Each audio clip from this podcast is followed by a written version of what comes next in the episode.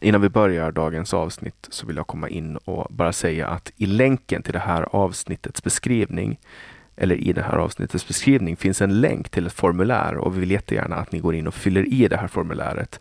Det hjälper oss att förstå vem ni är som lyssnar och på det sättet kan vi göra ännu bättre innehåll.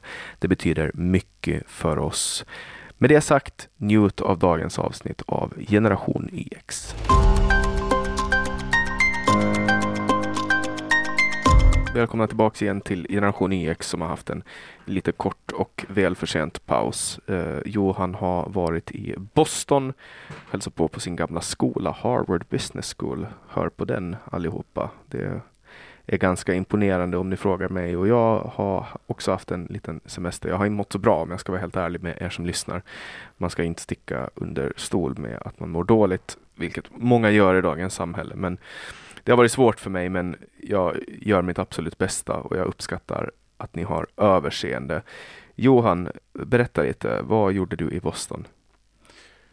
Tack Jannik. Jag, jag var i Boston på någonting som heter eh, Harvard Business School har sådana här alumni så träffas man då ah, ja, vissa, vissa år liksom så har vi en reunion och då bjuds alla in då från MBA och alla olika studenter där. Och sen träffar man fakulteten och professorerna och får en uppdatering vad som händer runt om i världen. Så vi hade superbra samtal med fakulteten, exempelvis Deborah Spar som skriver en case study om Sverige. Och sen är det ju människor från hela världen som berättar ja, hur deras situation ser ut och man får en känsla lite vad, vad som utspelar sig i, i eh, näringslivet då bland företagsledare och får lite uppdatering vad man forskar med och vad Harvard då satsar på, Harvard Business School satsar framåt på inom olika inriktningar. Och med dig till den här tillställningen hade du med dig den två meter långa bonden från Simrishamn, Per-Ola Olsson eh, från Bondepraktikan. Hur betedde han sig i USA? Gick han runt och spelade banjo som man kan tänka att han gör? Per-Ola gjorde succé i USA och eh, det var många intressanta diskussioner som han hade verkligen någonting att tillföra och diskuterade bland annat liksom energikris, globala livsmedels, eh, ja, livsmedelsbristen då, inflation och, och, priset på mat och det kunde verkligen, man kunde känna av alla de här frågorna bara genom att sätta på tvn där med stigande inflation, räntor, matpriser, priset vid pumpen och hur vanligt folk har det riktigt, riktigt knepigt i USA. Och, och även då livsmedelsförsörjning och supply chain där, där globaliseringen får sig en rejäl törn. Och, och, eh, fakulteten då, det är ju väldigt mycket om klimatförändring och hur det här påverkar oss. Eh, och hur, hur ja, olika perspektiv på den här typen av frågor som kommer få allt mer utrymme. Och det ser ju onekligen då ganska, tyvärr ganska utmanande ut för både näringslivet men framförallt då för offentlig sektor. Så några key takeaways var väl att höj lönerna i offentlig sektor och se till att få talang istället för de ja, att, att det sitter så slarviga människor som inte har någon koll och att näringslivet behöver kliva fram för att hjälpa till. Det var även som så att, vilket är lite förvånande, eh, det kom då research på i USA så har vanliga människor har dubbelt så högt förtroende för näringslivet och företag än vad man har för institutioner och politiken. Mm, och innan vi hoppar in på de dystra eh, verkligheterna om ekonomin så ska vi prata lite om kändisskvaller. Det har ju varit en väldigt fin midsommar i Sverige, kanske en av de finaste sedan 1994 har jag hört ryktesvägen. Jag har ingenting som kan backa upp det här, men det har varit sydanvind, väldigt svag. Det har varit väldigt begränsat med moln, om inga alls. Och Johnny Depp som nyligen har vunnit ett stort förtalsmål mot Amber Heard i USA har synts på en färja. Eh, han har åkt förbi löpare. Underbart. Det mm. var därför det kändes som att det blev ännu lite mer varmare här i, och sken upp lite där i Furusundsleden. Ja, han körde, nu, nu vet jag inte om han faktiskt körde förbi löpare, men får ju, man får utgå ifrån det eftersom han har åkt förbi Vaxholm. Eh, var han här och hälsade på, månne? Om man var det så kan jag tyvärr inte kommentera det. Du kan berätta men du måste döda oss efteråt. Det kan vara som så, men, men det, är ju inget jag kan svara på i den här podden. Mm, vi ska inte bli allt för långdragna med kändiskvaller, men vi har ju annat litet kändiskvaller och det är att Jean Du har brutit lårbenshalsen eh, under en eh, under en filmfestival, nej inte filmfestival, en litteraturfestival i Norge. Så bar han öl åt sin kompis och ramlade omkull och bröt lårbenshalsen. Uh, och det var ungefär kändisskvallret som, som vi drar igenom idag. Vi måste, ju, vi måste ju testa lite nya koncept. Uh, I övrigt så har vi ju ett ganska uh, tungt ämne som vi ska avhandla. Och det är alltså Lars Vilks, konstnären som levde under dödshot ehm, och gjorde det under ganska många år av sitt liv. Han dog i en tragisk bilolycka den 3 oktober 2021. Eh, och då dog också två av hans livvakter och det var i Skåne när de färdades i en skottsäker Range Rover. En bil då som väger över 4,5 ton.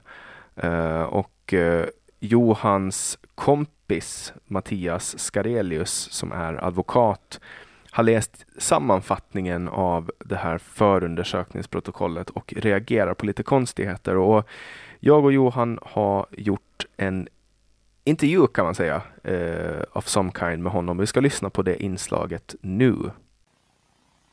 Ja, med för att reda ut det här har vi Mattias Skarelius som har varit lite uppmärksam när han har läst igenom en sammanfattning av det här förundersökningsprotokollet. Kan du berätta lite vad din teori kring Lars Vilks död är och, och de här mystiska smällarna? Eller vi gör så här Mattias, du kan väl berätta lite om dig själv först före vi går in på saken. Hej Jannik. Eh, ja men absolut, jag, jag är, ju, är ju egentligen jag är inte på något sätt någon slags expert på, på eh, forensiska undersökningar av krock eller fordon. Någonting, utan, eh, jag är väl sedan tidigare advokat och numera bolagsjurist och har väl eh, en ganska stor vana av att läsa och se detaljer i den här typen av material. Så kan man väl säga, utan att förhä förhäva sig allt för mycket. Mm. Reagerar du på att det var någonting konstigt direkt eh, kring den här eh, kollisionen eller vad man ska, olyckan? Ja, men det är så märkligt för att det, det är ju massa som har skrivits eh, under lång tid och mycket spekulationer och då är det klart, då är man lite på tå. Men, men det jag har läst är ju den här sammanfattningen. Den, det var ju den som fick mig att studsa. Som, som Åklagarmyndigheten lagt ut eh, officiellt då på nätet där man pratar om, om då väldigt mycket om, om det här med belastningsindex på, på, på däcken på bilen. Eh, och man, man eh, pratar mycket om när, när de här eh, däcken har monterats och, och att man har monterat i vinterdäck, man har monterat ganska tidigt och sådär. Men man kommer inte riktigt till någon slutsats i, i det materialet. Och det var väl egentligen det jag studsade på kan man säga. Och då är det alltså att din teori är att de här smällarna skulle vara däcken då som har exploderat? Ja, det är väl det, är väl det som är, är, polisens teori. De här smällarna man har hört som finns ju på, på spridda ljudinspelningar i olika media nu då. Och det, det, det är klart, det är ju två snabba smällar och sen så hör, hör du då däckskrik. Jag, jag vet inte, jag, jag, jag antar att den slutsatsen att det är däcksmällar är väl rätt rimlig. Så kan man väl säga. Ja, för chefsåklagaren Per Nichols säger vi vet inte vad ljudet är men har uteslutit skott eftersom vi inte hittar några spår av det på fordonet. Mm, och det, det är en intressant, det är en intressant, ett intressant uttalande. Man har inte hittat några spår, alltså har man uteslutit det. Så, så, så funkar det ju inte. Det, det är väl snarare så att de har inte hittat några spår av skott, alltså har de inte kunnat bekräfta det. Det är väl egentligen så logiken borde vara. Nu tror inte jag heller att det är någon beskjutning kanske. Men, men det, det är också sådana, det är sådana där typer av uttalanden, lite slarvigt sådär som, jag, som, man, som man onekligen studsar på. Och Mattias, som jag förstår, Eh, det här rör ju sig om samma fordon som används av militär och liknande.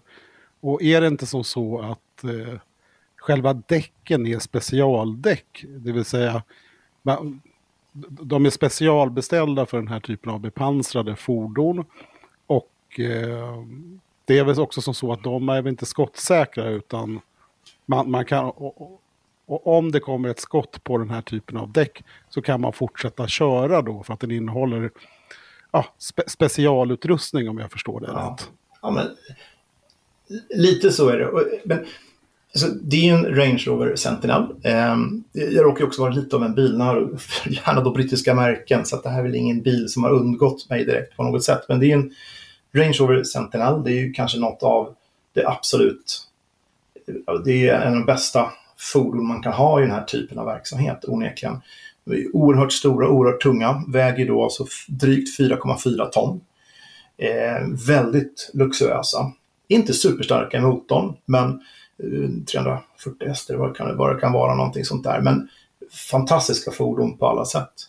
Och de är ju oerhört kraftigt bepansrade, vilket ju gör att vikten ökar då som sagt kopiöst.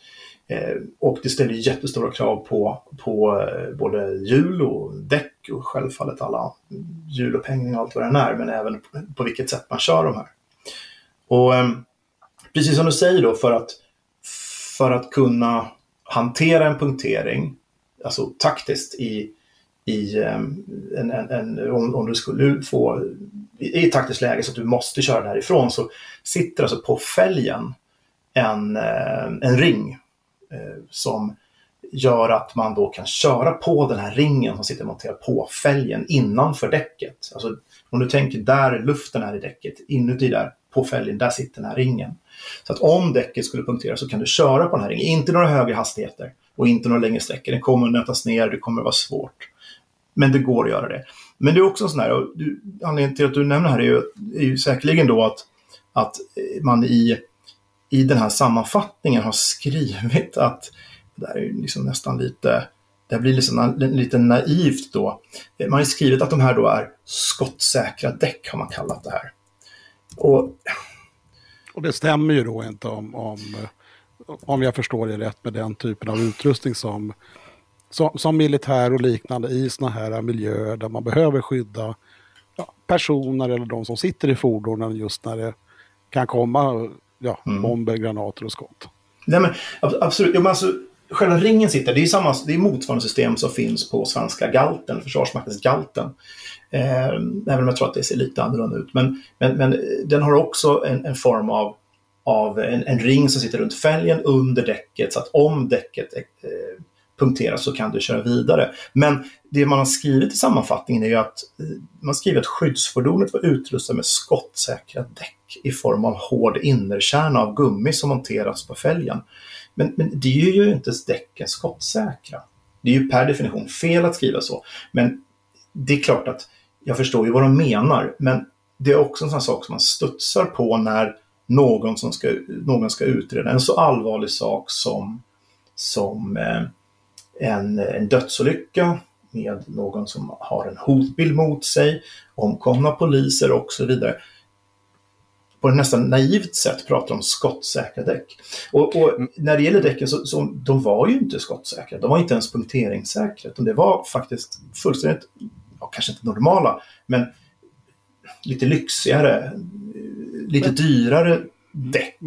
Som inte var dimensionerade för den bilen alltså. Nej, exakt. Det var standarddäck så tillvida att de hade ingen, de hade, eh, de hade inga punkteringssäkra anordningar, det var ingen runflap eller de hade ingen sån här att de täpper igen hål som blir. Och de var dessutom då klassade eh, till eh, ett belastningsindex på 110. Och ska man bli lite teknisk så, så, så kan man ju då konstatera att, att eh, eh belastningsindex 110 innebär att fordonet eh, får väga 4,2 ton drygt. Det är alltså 200 kilo för lite. Och det är alltså underdimensionerat belastningsindex. Och det, och det här är ju för mig smått obegripligt hur man kan sätta på däck på den här typen av fordon då som är underdimensionerade relativt belastningen. Det är alltså någon som har begått ett misstag som eventuellt då kan ha lett till Lars Vilks och båda polisers död. Ja, jag, jag önskar, alltså, ja, misstag. Det, det går ju att kalla det. Problematiken här är ju att, att det här upptäcktes ju av, av eh, bilprovningen. Eh, och som ifrågasatte belastningsindex. Och då, de tyckte att det var för lågt helt enkelt. Och då kan man ju tycka då att, att, att eh, polisen då borde känna att aha, och ett, ett lågt belastningsindex, det känns ju inget vidare. Vi, vi, vi köper nya däck, det är 4 000 kronor per däck, eh, lite drygt, och, och 16 000, 17 000 kronor för att öka på säkerheten och se till att vi ett, kör lagligt. För jag hade fått bötes, böter, eh, en, en bot på det här om jag hade upptäckts köra på det här sättet. Men det fick inte polisen såklart. Och, och, och, och två, jag hade också tänkt att nej, men jag kör mina barn i den här bilen, jag vill inte köra omkring med för lågt belastningsindex. Tänk om det smäller, händer någonting. Så jag hade köpt nya däck. Och sen ska man väl också komma ihåg att de här bilarna färdas väldigt snabbt av säkerhetsskäl så att man ska se om någon följer efter dem. Absolut, det är helt motiverat och det är inga, jag säger ingenting om hastigheten. Självfallet mm. så, så, behöver de ju hålla en hastighet för att, för att se till att efterföljande fordon skiljer ur sig mängden och så vidare. Precis, men då blir ju också vikten blir ju också extra Det är mycket. högre tryck på, ja. på jo, men, Precis, och även om de här däcken, och förutom belastningsindex, också har en, en, en klassning, så att säga, en hastighetsklassning, en, en, en, en hastighets... Eh, en maxhastighet som är väldigt, väldigt hög. Högre än, än, än oavsett hur fort de körde nu så var den högre än, än, än den hastigheten. Så det är fortfarande så att, jag menar, även om du har en, en hastighetsklassning som är hög, det är klart att du börjar tänja på gränser om du då sätter på ett däck som har en för låg tolerans. Och, och för mig är det ju smart och obegripligt då när Bilprovningen säger att nej men, det här är för låg belastningsindex. Det här är för svaga däck. Att man då inte bara byter dem utan man tar alltså in ett intyg på att det här ska fungera. Tiden det har tagit för dem att bara ta in intyget och presentera det här och argumentera och diskutera och ha möten kring den här frågan lär ju ha kostat säkert 16 000 kronor. Så varför inte bara byta däcken? Ja, för nu har ju polisen utrett sig själva kan man säga. Eller ja, polisen och... som har utrett säkerhetspolisen? Precis. Det är jättemärkligt också tycker jag i den här sammanfattningen att man inte skriver någonting om här, de här bitarna. För det här är ju definitivt av allmänintresse. Att polisen inte byter däcken utan skaffar ett intyg för någonting som jag hade fått en bötesbelopp på och kör omkring med säkerhetsfordon som går då, ja, en, det finns ju uppgifter om att, att man kan ha kört så fort som 180 även om polisen menar att det förmodligen var långsammare baserat på den här inspelningen. Det är väldigt, väldigt tveksamt. Vi ska, ta, vi ska ta och lyssna på den faktiskt, den kommer här. Mm.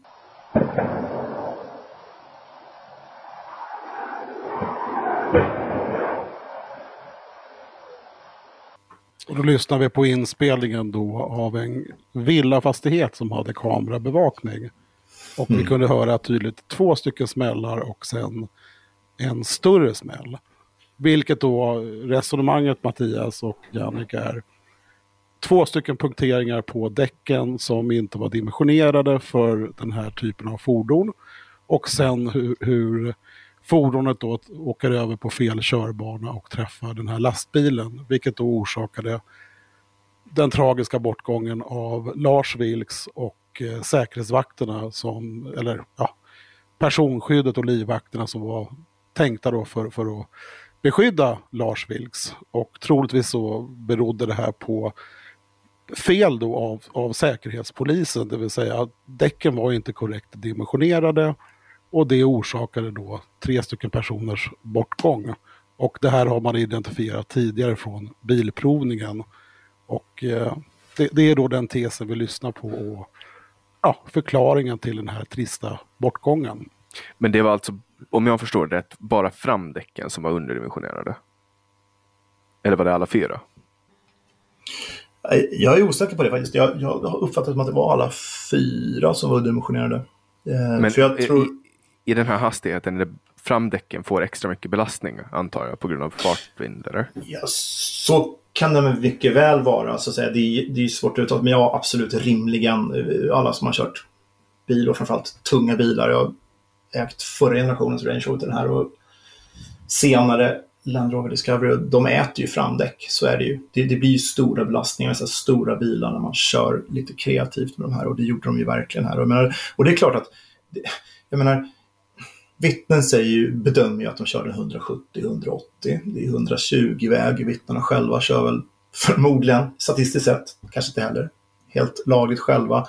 Och nog no, tusan har de här dragit på rejält här och det är en kurva där kommer ju belastningarna såklart. Och, eh, jag menar, det är inte säkert att man kört hela vägen heller på det här sättet. Det kan vara en tillfällig hastighetsökning och då har de här gått, de här däcken. Och det, det är ju, och, det är ju, ljuden är ju, alltså det är, det är ju kusligt att, att lyssna på det på det här sättet. Onekligen. Mm. Så tror du att konspirationsteorierna kommer att flöda nu om att det här har varit kanske någon form av överlagt mord? Eller kommer, kommer, vad, vad tror du kommer att hända nu? Nej, alltså jag har ju försökt följa den här eh, av, av egen intresse en del. Och, men det, det, det, teorierna har ju flödat enormt redan eh, tidigare. Och det känns inte som att de mattat av. Det talas ju om att det här är mörkning och så vidare. Och, alltså, det är ju klart att det, det är väldigt märkligt tycker jag att åklagaren då, eller åklageriet som jag brukar kalla dem för, i den här sammanfattningen inte är tydligare med de här sakerna. Så att belastningsindex var för lågt. Alltså det kan ha bidragit till det. Och jag skulle säga att jag har inte läst förundersökningen helt. Den, den, jag har bara läst sammanfattningen och den jag studsade på, men det här är ju så att säga oomstritt. Jag, jag har dock förstått att det i förundersökningen finns ett antal sidor som hanterar just den här däcksfrågan. Eh, och där är de ju tydligare och det har ju också eh, både utredande polisen och åklagaren varit i media har man ju varit tydligare med de här, med de här omständigheterna kring det här.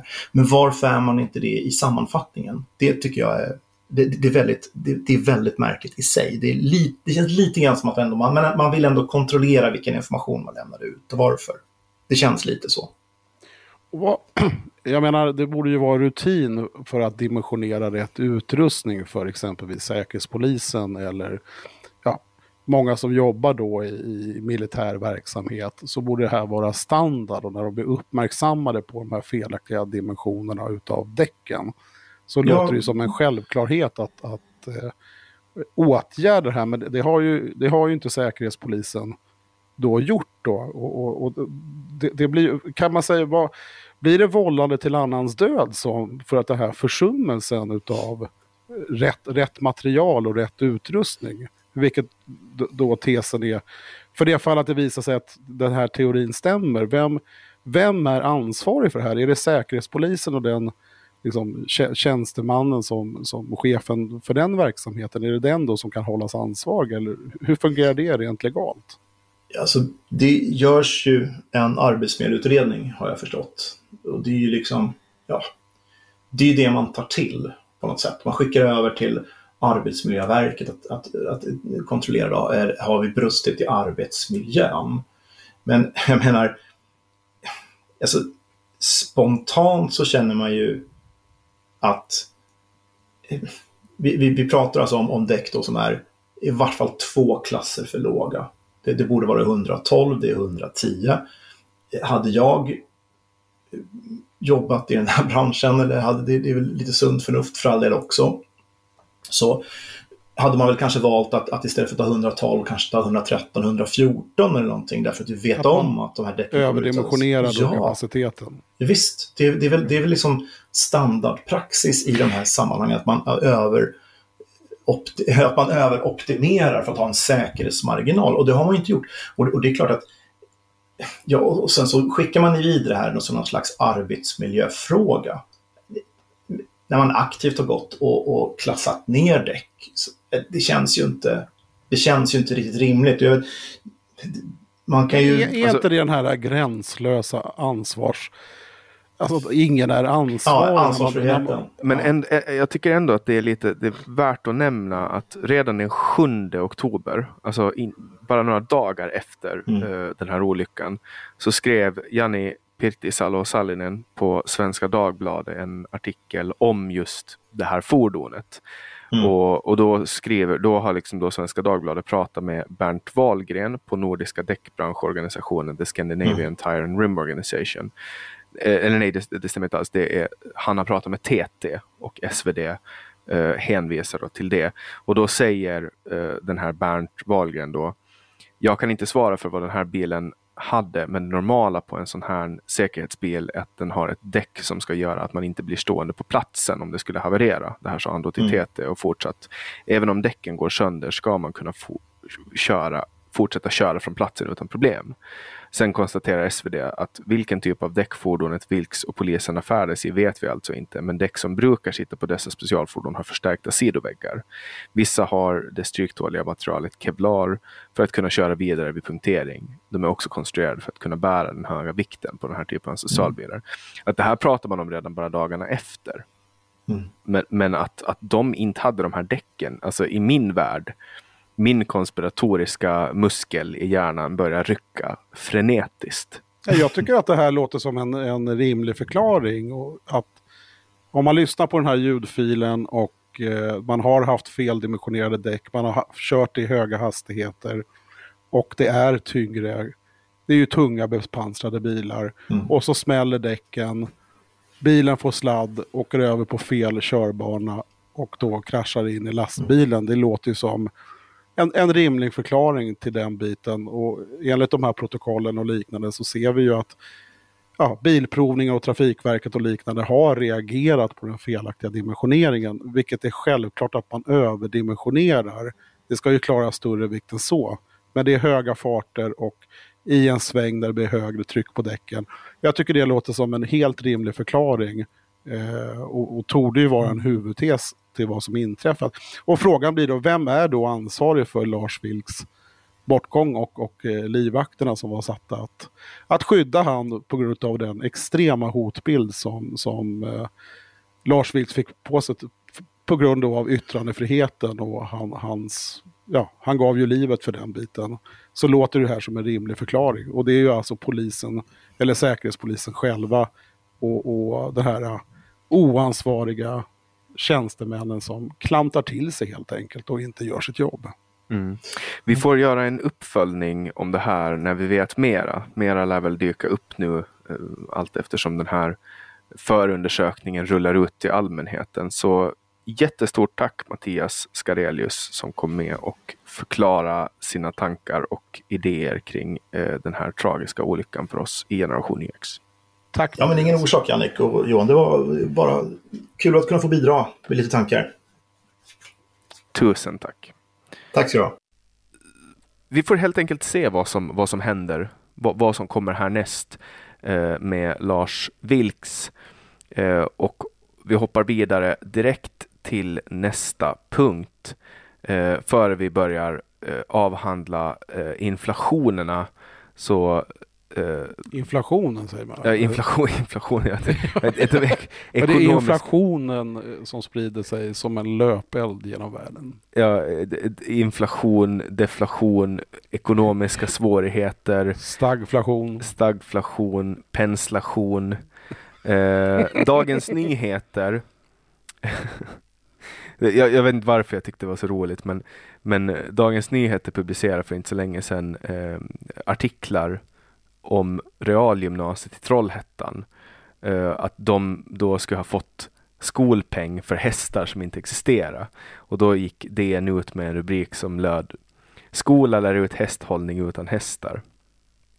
Och då, och då har de helt enkelt gått in på att uh, den här Trollhättans uh, tro Okej, förlåt. Vi gör så här. Jag, jag, läser upp direkt istället så slipper jag försöka sammanfatta det live. För vi försöker ju inte klippa den här podden. Eh, så här står det.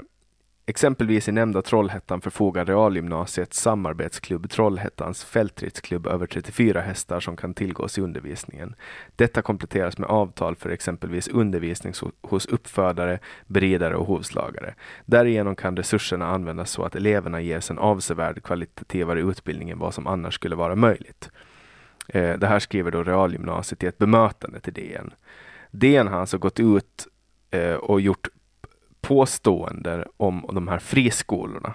Och man är ju, och det är väl ganska känt, att, eh, att DN är emot det här friskolesystemet. Och det här är väl ett av Reinfeldts barn och en av de sämsta sakerna som Moderaterna gjorde för Sverige genom att släppa de här friskolorna i ett system som inte var redo för det. Eh, och ur mitt perspektiv så är det här, det återkommer i debatten gång efter annan, de här, det här hackande på friskolorna. Och bara för att ge min take på det rakt av, så är när man genomför den här reformen där man tillät de här friskolorna växa sig fritt på det sättet man gjorde så var man var helt enkelt inte redo för det. Nu, nu sitter du och, och, viftar på huvudet. Berätta, vad är din take Spencer? Jag tycker det är jättebra med friskolor och att fler aktörer kan komma in. Jag menar, det, det är väl självklart att kommunala skolor inte alltid är de bästa. Och, och, samtidigt kan man jämföra med Finland som har statliga skolor och kanske lite mer restriktivare hållning i de här bitarna. Men, men debatten i Sverige känns lite halvt urspårad. Och när man hackar på de här grejerna, det finns väl saker och ting i friskolorna som är mindre bra. Jag tycker det här exemplet med, med hästarna då, det är, det är väl inget konstigt att man har ett avtal med en hästklubb eller någonting, att man inte behöver ha egna hästar. Och att man gör ett stort nummer utav det i DN är väl ganska tramsigt. Alltså de målar ju upp det här gymnasiet då som en undermålig skola som inte klarar av att leverera kunskaper. Men, men det är ju det är ett otroligt eh, märkligt resonemang och jag, jag förstår att det finns kritik mot friskolorna och eh, jag kan ju delvis hålla med om att eh, man kanske var lite för naiv när man gick in i det här. Ja. Samtidigt finns det ju många, vi har ju eh, resursskolorna exempelvis i Stockholms stad där, där människor, alltså elever med speciella behov som, som är jättetrassliga eller hemmasittare då inte kommer till skolan och där Stockholms stad aktivt då jobbar emot friskolorna och, och klarar inte själva att ta hand om hemmasittare och liknande. Och, det tycker jag liksom, det, det känns som att debatten spårat ur och när större medier går och gör de här stora numren och försöker skapa den här skandalen och plocka politiska poäng då blir det jäkligt fel. Och där, där tycker jag ja, ska, skämskudden eller eh, dumstruten handlar på Dagens Nyheter återigen. Ja, och det här är ju också, som jag tolkar det, eh, ett sätt att, alltså det är ju valår och man vill ju jättegärna... Man positionerar sig, eller hur? Ja, men precis. Och, och, och det här med friskolorna, vad jag menar innan, jag är ju för friskolor såklart eftersom ett fritt samhälle kräver en fri marknad och en fri marknad kan bara existera om folk får driva egen utbildning. Men jag tittar på exemplet med Harvard Business School som faktiskt inrättade då den första MBA och det, det är ju helt fritt, det vill säga det är inte staten som sköter det här. Mm. Men det jag menar är att, att, att om du till exempel, nu, nu gör jag ett banalt exempel, men, men jag hoppas att ni förstår vad jag menar, att om man på en dag skulle, skulle, skulle befria Nordkorea och alla de människorna skulle få sin frihet direkt. Nu jämför jag den nordkoreanska befolkningen med friskolor. Du, du förstår hur banalt det är, men, men, men det är svårt att hantera när man inte har den här liksom och det är så marknaden fungerar också. Det kommer att komma ut bovar och rövare på den här marknaden när du mm, släpper friskolor. Mm, det där, jag inser, jag hör hur dumt det där exemplet var. Så jag liksom, det är ingen fara. Nej men jag låter det vara kvar. Nej, men det, det, måste ju ske på ett, på ett kontrollerat sätt. Och, ja men islamistiska friskolor. Ja. Vi vet ju att de, de, det har ju varit jättestora problem med dem. Ja, eh, jag, jag personligen tycker ju att det är, är det, det, det, är ju helt galet. Samtidigt, religiösa skolor eller kristna skolor eller judiska skolor eller franska skolor, inte vet jag. Eh, jag är väl kanske väldigt tolerant i den biten och till och med då tycker jag väl personligen jag att ha islamska skolor. Som ja, är... men det är skillnad på islamistiska och islamska. Ja, absolut. Och jag menar att religiösa behöver ju mm. inte vara fel. Och, och, man kanske har den typen av värderingar eller tror på den religionen och vill eh, att sina barn ska växa upp och få med sig det i livet. Men radikaliserade skolor blir ju jäkligt naivt och det här vet man ju om. Och, och ändå så, så fumlar ju alla till det här. Och sen, sen blir det ju också i debatten, tycker jag, Jannica, att kommunala skolor som, jag menar, det, det, finns säkert de som är jätteduktiga med bra rektorer, men det finns ju en jäkla massa som är helt värdelösa. Och det kommer inte heller fram i debatten. Mm. Och så kommer den här typen av ja, smutskastning och griserier av Dagens Nyheter. Och återigen så tycker jag de ska sätta på sig en dumstrut. Vi hade väl den här riksdagsledamoten som drev en radikal skola. Var det i Göteborg eller någonting?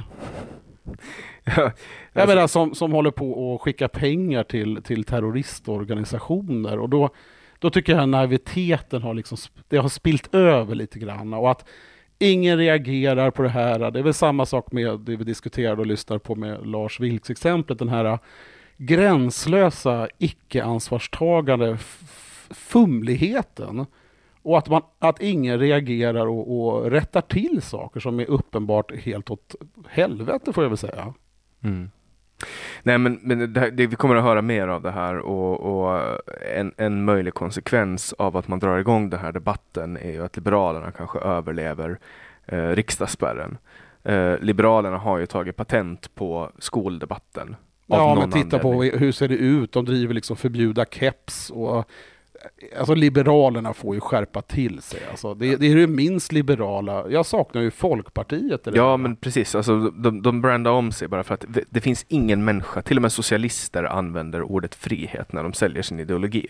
Därför att en men, människa men, vill men vara fri. Men svenska liberalerna är ju inget frihetsparti. Det är väl ett förbud och pekpinneparti som borde, de borde ju skämmas. Jag hoppas de inte kommer in i riksdagen. Nej, de har en stor blå kuk som logo också. Det säger allt. Fast den ser lite svag, svag ut. Jag menar, det, det, jag, jag, ser fram emot valet, Jannik, och jag menar, kan mittenalternativen i Sverige försvinna ur svensk politik så tror jag vi alla skulle vara väldigt mycket gladare och om det kommer framträda någon mera eh, kanske frihetligt parti som, som kan vara då i mitten men som inte heter Centerpartiet eller Liberalerna. Ja, ett riktigt borgerligt alternativ, det är ju det som, som behövs. Ett frihetligt parti låter ju... Det, det, skulle ju vara trevligt att man kunde få besluta själv om man hade keps i skolan eller inte. Ja, alltså, där, alltså det man egentligen behöver göra, vad jag tror, det är att byta system helt och hållet. Man går bort från demokrati och så kör man direktdemokrati. Men, men det kommer aldrig att hända. Nej, det tror jag blir för stort. Men att det behöver vitaliseras är väl uppenbart. Och jag menar, Titta nu i debatten när alla säger att hur mycket ansvar de ska ta, de har lösningar eller problematiserar. Men resultatet ser vi ju, menar, som vi hörde om, om Lars Vilks är ju ett tragiskt exempel, eller liksom, eh, e- extremister som driver och, och snillar bort stålar eh, i skolor. Det är ju inte rimligt. Det är ju det, det, är ju staten som går bort sig hela tiden. Mm, men snart kanske vi flyttar till Sark Island och då, där kommer livet att vara fantastiskt. Ja, för inte, er som inte läst om Sark Island så blev ju jag eh, djupt imponerad av detta ösamhälle som är utanför England och Frankrike som heter Sark Island där Sven the Populator då bor och man har ingen skatt, det, eller man har en begränsad skatt, full frihet och jättebra liksom, system där man vill dra till sig liksom, en vettig befolkning. Det är alltså ett libertarianskt mecka. Ja, det är ju, jag, jag tyckte det lät som ett, mitt drömsamhälle i alla fall. Det tar två minuter att göra deklarationen, bara det är väl en anledning att flytta dit. Mm, och det, det baserar sig då på Ayn Rands eh, filosofi och objektivism och det hon lanserar i boken Atlas Shrugged som jag eh, nästan förgäves ända fram tills att Johan upptäckte Sark Island har försökt få honom att läsa. Och du som inte har läst Atlas Shrugged rekommenderar jag. Kommer att läsa den, ja. Ja, ni behöver läsa den. Uh, och sen kommer ni att, liksom som alla andra som läser den här boken, börja gå och slå den i huvudet på folk. Och då kommer ni att märka att alla människor som har läst den här boken, eller som, som inte har läst den här boken, ändå har en åsikt om den. Och det är Johan snart att upptäcka. Så jag hoppas att vi får höra en en recension av Atlas Shrugged i generation YX när du har läst klart? Självklart ska ni få det och för att koppla ihop det med aktuella frågor på Harvard Business School så är det bland MBA-studenterna Marx-teorier och liknande och filosofier är det som är bland de mest populära ämnena på Harvard Business School. Och det säger lite om att det, det finns ju en... Alltså alla de, min, min reflektion över det Jannik för att knyta till, tillbaka till den här reunion var att de här godhetsmänniskorna som ska rädda världen, det finns en risk att det där går bort sig och att det slutar med socialism eller kommunism och, och det blir en motsatt effekt även fast det låter ju jäkligt bra så är man inne på lite den typen av idéer och, och ideologier och fumlar lite till det. Så där, därför ser jag fram emot att läsa den här boken och rekommenderar att kolla upp Sark Islands och Sven the Populator. För det, det var någonting som jag tyckte var väldigt inspirerande i alla fall. Mm. Och kanske, kanske, kanske en libertariansk koloni kan upprättas på Mars. Nu har man för första gången upptäckt mänskligt skräp på Mars. Och det är alltså NASAs uh, Perseverance som förra året landade på Mars som har hittat eh, spår av sig själv. Och det är då en bit värmeskydd som eh, den här drönaren eller vad man ska kalla det, Rover kallar de den, eh, som, som liksom har släppt och nu ligger den och skrepar på, eh, på Mars. Eh, kanske det är så att Elon Musk lyckas kolonisera Mars. Vad händer då rent legislativt? Alltså är det den som först kommer dit som får ta tag och, och liksom göra vad man vill med Mars? Vad, hur, hur gör man om man kommer till en ny planet? Det låter, ja, det låter komplicerat men, men det, är väl, det är väl lite det som pågår i, i Arktis, vem som har rätten till till marken eller råvarorna eller liknande. Så det, det, kommer väl säkert bli stjärnornas krig då där ute där alla ska bråka om någon stenbit eller, eller vad det är. För alltså, det är den som kan ta sig dit och liksom bygga upp en, en bas. För jag menar, ingen lag som gäller på jorden kan ju gälla på Mars. Nej men lagar är ju mänskliga påhitt så vi kommer väl hitta på någonting som, som gäller då för Mars. Mm. Men jag tänker så här om Elon Musk kommer dit och bygger upp en egen liksom armé, då är det ju han som... Ja visst är det så och eh, det, det, det, är ju intressanta liksom, frågeställningar och när han börjar skicka upp raketer och det händer saker där. Vi hade faktiskt en, en uppdatering därifrån. Vi gjorde då en case study och sessioner för hans bud på Twitter exempelvis. Där, där eh, det är det ser ganska tufft ut och det kommer väl sluta med mycket stämningar för hans bud som gick ut då. Men, men där han kanske inte har råd att genomföra köpet och eh, han klarar inte av att finansiera köpet. Och, och, samtidigt så vill aktieägarna tar det för det här högre budet men hur många följare och liknande det är innebär att han inte kan fullfölja köpet. Så eh, på tal om Elon Musk och vad, vad diskussionerna var där. Men, men det blir ju den här biten när näringslivet åker ut i rymden, eh, skickar upp satelliter så blir man ju nästan som en egen nation fast man har inte våldsmonopol och man har inte eh, egen valuta eller liknande. Men, men, man ser ju hur de här glidningarna eh, går in i varandra. Så mm. det är ju mm. väldigt intressant. Alltså Elon Musk och Jeff Bezos och så vidare, de har ju mera pengar i sin förmögenhet vad en liten europeisk stat har i BNP. Liksom. Så är det. Och, och, jag menar, de är ju oerhört, och bara en sån sak som, som inflation, alltså inflationen har nu april då varit 6,4 procent. Tänk vad det påverkar Jeff Bezos eller Elon Musks net worth. Ja, så är det ju och eh, men det, på, det, visst blir det deras network, men det påverkar ju också gemene man när, när mjölken blir dyrare, osten blir dyrare bensinen blir dyrare och det, det riskerar ju, vi ser ju liksom början på det, nu börjar det i Egypten börjar bli oroligheter för att man inte klarar att försörja, alltså sätta mat på bordet till sin befolkning. Och, och samtidigt har ju de som har enorma förmögenheter som eh, de kommer ju lyckas förvalta det där väl och positionera den biten men det är ett klimat med många då bedömer som stagflation eller hyperstagflation som gör det svårt att genomföra placeringar eller liknande och eh, svajiga börser, valutor, råvaror.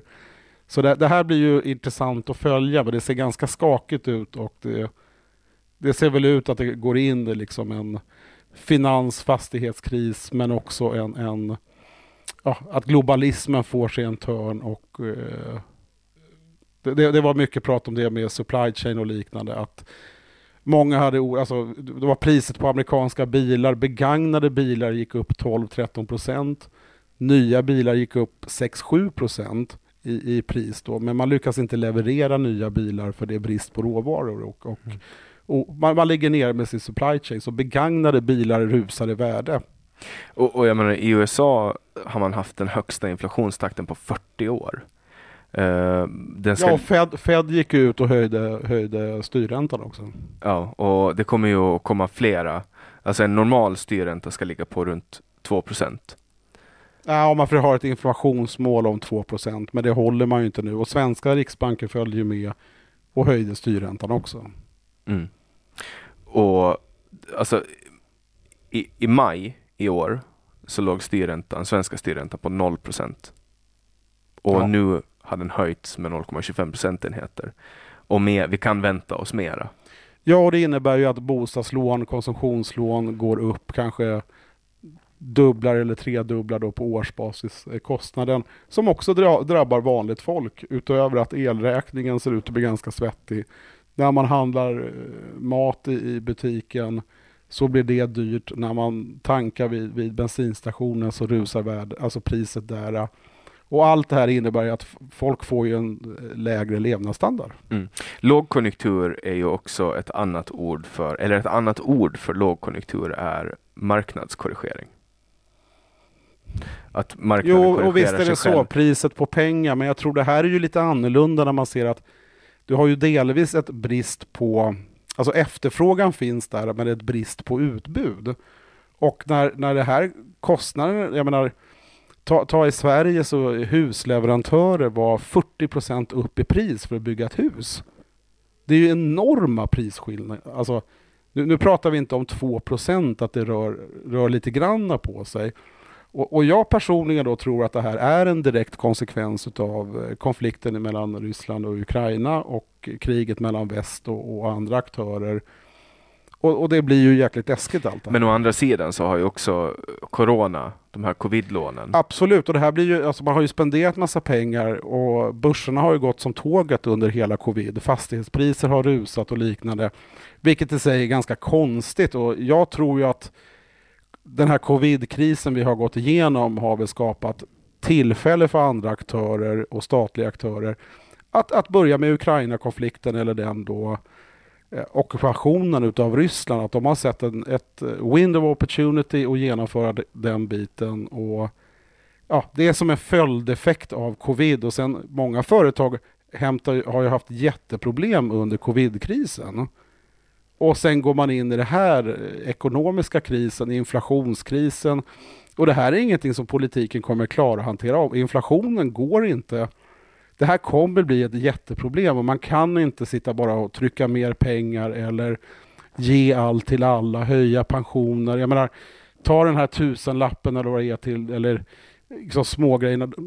Det kommer ju inte räcka till för att täcka den här kostnadsökningen. Och dessutom kommer vi in, ja, till hösten och vintern kommer det vara, kommer lönerna fortsätta att öka mer än inflationen. Så det kommer ju bli jättetuffa förhandlingar mellan arbetsmarknadens parter, eh, vilket är en unik konstruktion för Sverige. Men kommer man acceptera att man inte får löneökningar och företagen och staten själva eller offentlig sektor har ju inte råd att följa med i löneökningarna. Så det här kommer ju bli jättetuffa förhandlingar. Ja, och en stor, eller ett stort problem som, som världen har dragits med ganska länge är halvledarbrist. Ja. Och halvledare är en komponent, alltså det är alltså chip, datachip som finns i princip all den teknik som vi använder idag.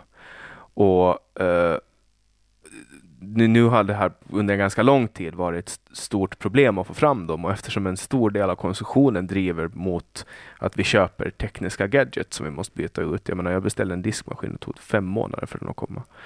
Uh, och halvledarmaterial används i princip allting. Uh, och, och, det här är också någonting som, som påverkar uh, liksom hu hur vi handlar. och saker kan inte tillverkas. Jag menar, går inte att få tag på hönsfoder på Åland till exempel. Eller hönsfoder går, men kycklingfoder. Alltså saker börjar ta slut och sen är folk rädslan också för att saker ska ta slut gör att folk bunkrar. Precis. Och det såg vi ju under den här bizarra toapappersbunkringen. När folk helt plötsligt under corona fick för sig att toapapper skulle ta slut fast vi har liksom det, det råder ju ingen brist på träd. Nej, men, men det var ju också en Alltså människan reagerar i kris på något märkligt sätt och, och fumlar väl efter första bästa, vilket råkar bli toarullen, vilket är lite märkligt. Men, men du får ju, där får du ju liksom en efterfrågans topp av, av toarullar. Eh, vilket produktionen inte, man kan ju inte sitta och tro att man ska säga, det var väl ingen som kunde föreställa sig att just toarullar skulle gå som tåget om vi har en pandemi. Nej, Nej och där är, det där är också ett sätt för människor att ta, att ta kontroll. Eller uppfatta då att man grä, hjärnan greppar efter något. Hur ska jag hantera den här krisen? Jag måste ha något att hålla mig i. Jag har en idé, vi köper toarullar. Ja men vad skönt, nu känns det bättre. Mm, och så ser man andra göra det och så blir man rädd att det ska ta slut och så blir det. Och det är väl lite så en, en skenande inflation sker också när det blir en bankrush. Ja, det blir en bankrun eller många säger då ja, men fastigheterna kommer ju gå ner när priset på pengar, priset på pengar går upp och eh, då kommer fastighetspriserna troligtvis då gå ner. Och då skapar det att många då vill lämna den typen av tillgångar och rusar mot något annat. Och marknaden är ju oftast, den rusar för mycket eller för lite åt något håll. Eh, så du får de här överreaktionerna men, men det ser ut som att det blir väldigt turbulent under det här året och vi kan väl förvänta oss att det kommer vara eh, en tuff ekonomi och, och tufft för vanliga människor. Jag, menar, jag läste barnfamiljer, Jannik, har 70 000 kronor mer eh, på året då som de tappar i ökade kostnader. Och, och det, är ju, det är ju ganska mycket för en, ett, eh, ja, Tänk dig då att vara ensamstående morsa eller någonting. Ja, och, och köpa en Piggelin som nu har gått upp med 24 procent på grund av ökade matpriser, ja, eller mjölkpriser. Ja, men och, och, och det, det, här är ju också basvar. Vi pratar ju inte om champagne eller fina väskor eller fräcka grejer, utan vi pratar ju om sånt. El, bränsle, eh, mat, eh, kanske har något lån för att man har köpt en, en, ett hus eller någonting eller en lägenhet det rusar i värde samtidigt som det är brist på utbud. Så det här, kom, det här kommer bli jobbigt. Mm. Eh, det, det, är tuffa tider som väntar. Och, och, och, samtidigt så kommer vi behöva öka upp produktion på olika sätt. Men där ser vi de här geopolitiska krigen som pågår hela tiden. Eh, och, det, det, är väl, det är väl det jag läser av i, i den här situationen. Och mm. det, var alltså fullt i, i staterna på, på nyheterna om mat, priser, inflation, energi, liksom priset vid pumpen. Så det, det snackas väldigt mycket om det i USA och folk är ju väldigt upprörda och det, det blir mer spänningar i samhället. Om folk får mindre i plånboken då kanske man spenderar mindre i, i man köper mindre saker och andra saker. Ja, alltså de här ringeffekterna. Och då tappar ju folk, folk kommer ju tappa jobbet på de grejerna. Ja, och man vet och då, inte då får du ökade spänningar och då kan man säga vad kommer det leda till? Ja, det blir mera kriminalitet, det blir mera mord, det blir mera snusk när gemene man får det sämre, för det är precis det som mm. händer. Och det går inte heller, alltså det är så många olika orsaker, men som det här exemplet med glassen är ju också lite så här, men, men, alltså, men priset på pris, ägg till exempel. Ja exakt, det är ju märkbart. Jag märkte det, jag skulle handla ägg och bara men herrejävlar och det, och det kan jag säga även i Boston, för det, det, det, tidigare har jag varit där mycket då, har det varit ganska billigt, även om dollarn är över 10 kronor. Så har det varit ganska billigt i USA. Alltså man har kunnat gå på finare restauranger, alltså, det har varit ganska billigt att handla saker. Men nu var det riktigt dyrt. Och då, då pratar jag liksom när ja, jag och snyggbonden går och köper en burrito så reagerar man på priset och det var inget, inget fancy. Men, men det var riktigt dyrt. Hotellpriserna superdyra och gemene amerikansk liksom, hushåll, de har inte den här ekonomin. Mm. Nej, men som till exempel priset på mjölk i Sverige har, har ökat från 557,9 öre till 619,4 öre.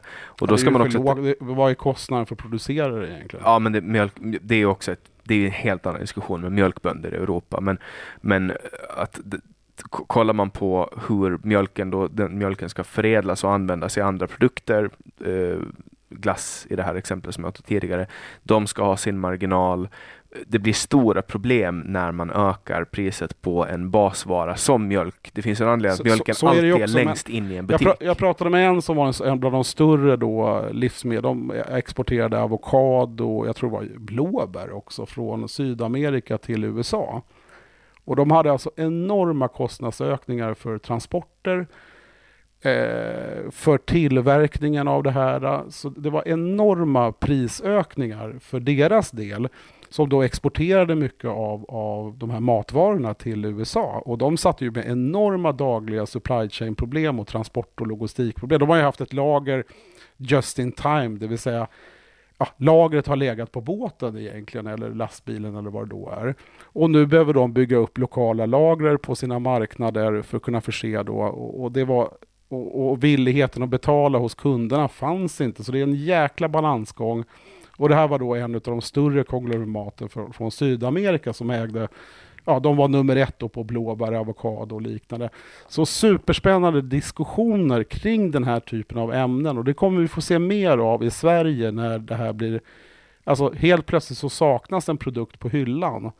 Och, och, och då kommer folk fundera, men hur kom det sig? Och det kommer bero på det här. Mm. Ja, alltså det känns som att vi har blivit världens olyckokorpar när vi pratar om... Eh... Det, det, är inte meningen, vi är optimister, eller hur? Ja, det, det, vi kan också, det, det vi kan säga så här, konstatera att när det blir högkonjunktur igen, då kommer det att vara jävligt roligt att lyssna på den här podden. Ja, vad, vad, jag ser fram emot, att vi blir inbjudna på något sånt här fräckt företag, eh, något nå nytt Klarna, fast inte när de går neråt utan när de är på väg uppåt, så att vi också kan få få gå på någon fräck fest och dricka champagne och ha det kul. Ja, eller, eller, äta något gott. Eller, eller kanske för, för, du föreläser för de här framför eh, massa klappmongo. Vet du vad ett klappmongo är för någonting? Nej, det har jag aldrig hört. Det var intressant. Det finns två definitioner av ett klappmongo. Det ena är att det är ett mongo som blir exalterad när den ser en bil och klappar för att den blir så glad. Och det andra är eh, någon som åker på så här multilevel marketing events och sitter och klappar åt människor som kommer ut på scenen i fina kostymer och försöker få det att sälja tvål för 270 kronor eh, mm. per vecka. Eh, så det är två olika definitioner men, men förhoppningsvis så, så eh, ser vi en, en ljusnande framtid där, där du kan gå ut och berätta om den här ökande inflationen, eller inte inflationen, Inflation. ökande konjunkturen. Ja men det, det, är klart att vi, världen kommer komma, vi kommer komma förbi den här biten också. Och det är väl bra att folk kan anpassa sig liksom, efter regn kommer solsken. Nu har vi haft kris, nu är det krig, alltså den här jäkla pandemin och så är det krig. Och det, det kommer ju såklart bli effekter. Men, men det kommer ju hitta nya sätt att liksom, skapa bättre situationer. Det kommer ju komma bättre tider. Och det kanske är en rimlig korrektion som, som världen eller marknaden gör då, givet att det ser utmanande ut. Mm. Och med det får vi avsluta den här veckan av Generation EX. Eh, avsnitten har blivit lite längre sen, sen eh, du hakar på det här projektet Johan, men det är bara, det är bara trevligt. Tack så hemskt mycket och tack för att, för att eh, du lyssnade på den här podcasten där vi gått igenom massa intressanta ämnen och frågeställningar och högaktuella händelser med teorier för Lars Vilks eh, tragiska bortgång. Och så vill jag återigen påminna alla som lyssnar på den här podden att gå in på länken som ni hittar i beskrivningen och fyll i formuläret. Det finns ett formulär. Vi vill veta så mycket som möjligt om er som lyssnar därför att då kan vi anpassa innehållet mera åt ett håll som vi ser att ni vill ha det. Så gå gärna in på den länken så hörs vi och ses vi snart igen. Stort tack och tack Johan. Tack.